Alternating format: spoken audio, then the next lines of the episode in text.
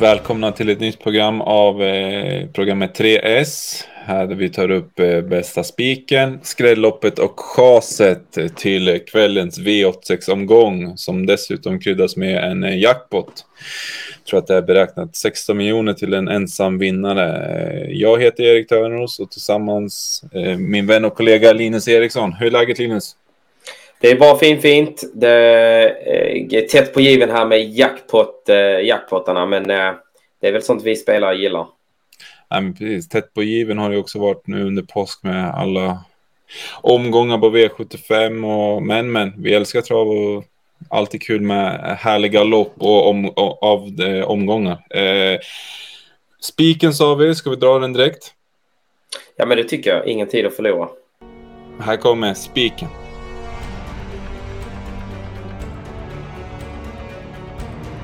Spiken Linus, var hittar vi den ikväll? Vi river av plåstret direkt och går på favoriten i den inledande avdelningen. Tre Riverdale Z eller eh, Z eller Z, hur man nu vill säga.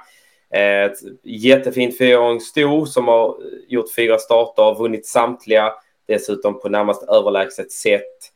Eh, kommer från en jättefin insats på Åby, tidigt till ledningen som de andra segrarna. Sen drog undan via 11 sista 800 och det gjorde hon på ett lekande lätt sätt. Um, siktas mot drottningpokalen här uh, de kommande veckorna. Uh, är till och med en av favoriterna om man tittar på för, förtidsoddsen till själva slutsegern där. Um, möter väl inte några konkurrenter som kommer göra, gälla sig, i, göra sig gällande i sådana sammanhang. Och uh, ja, från ett perfekt spår så läser vi tidig ledning och sen är det godnatt och slut. Intressant. Eh, ja, hon är ju stor favorit, men det är jackpot och V86 är alltid svårt som det är, så behöver inte vara helt fel att inleda med en sån spik heller. Nej, precis. Det, det, viktigaste är att de vinner och eh, ja, Riverdale Z är den som har klart bäst segerchans i omgången, så att eh, vi tvekar inte, vi spikar. Spik alltså i V7, eller V86 1 är det. Nummer tre, Riverdale Z.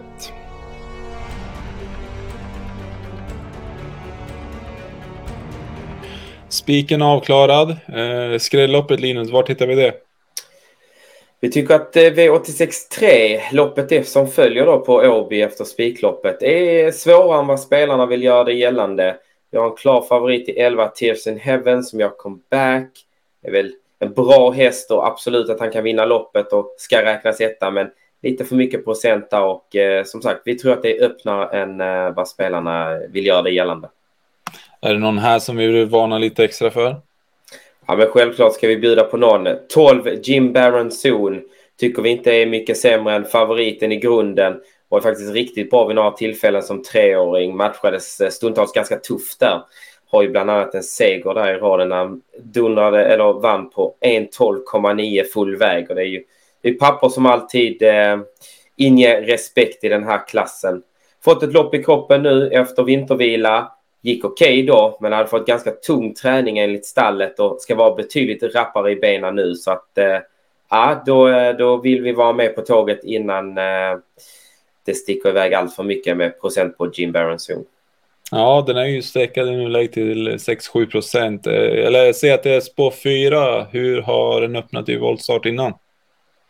Ja, men den har både varit stabil och snabb så att eh, ingen oro vad gäller spåret. Eh, det är väl mer bara att det ska lösa sig som alltid från tillägg. Men eh, någorlunda klaff så kan vi se Jim Barron Zone spurta ner dem alla.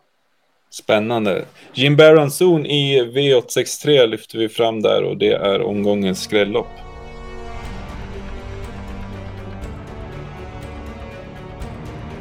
Två punkter avklarade. Den sista chaset. Eh, vilken häst i omgången chasar vi ikväll? Ja, vi väntar då till den sista avdelningen. Då är vi på Solvalla och eh, vi kommer inte betala för sju Bad Manor. Hästen har visserligen gjort det bra här i V75 nu ett tag. Kommer, med en tredje plats i, kommer från en tredje plats i finalen. Tvåa dessförinnan i försöket på Momarken. Och så tredje plats gången före det också i ett försök till den finalen han var ute i senast. Men eh, det har ju varit eh, lite bättre resor för Bad Manor. Nu har han spår 7 han kan, i voltstart. Han kan öppna hyggligt. Men han har de främsta motbuden från spår 1 och 2 och som båda är snabba ut. Så att vi tror inte Bad Manor kommer sitta lika bra på det den här gången och eh, ja, när då procenten närmar sig 16-17, ah, då har vi bättre bud. Säg att vi har ett bättre bud eller några bättre bud. Eh, är det någon vi vill lyfta fram här som vi betalar istället för?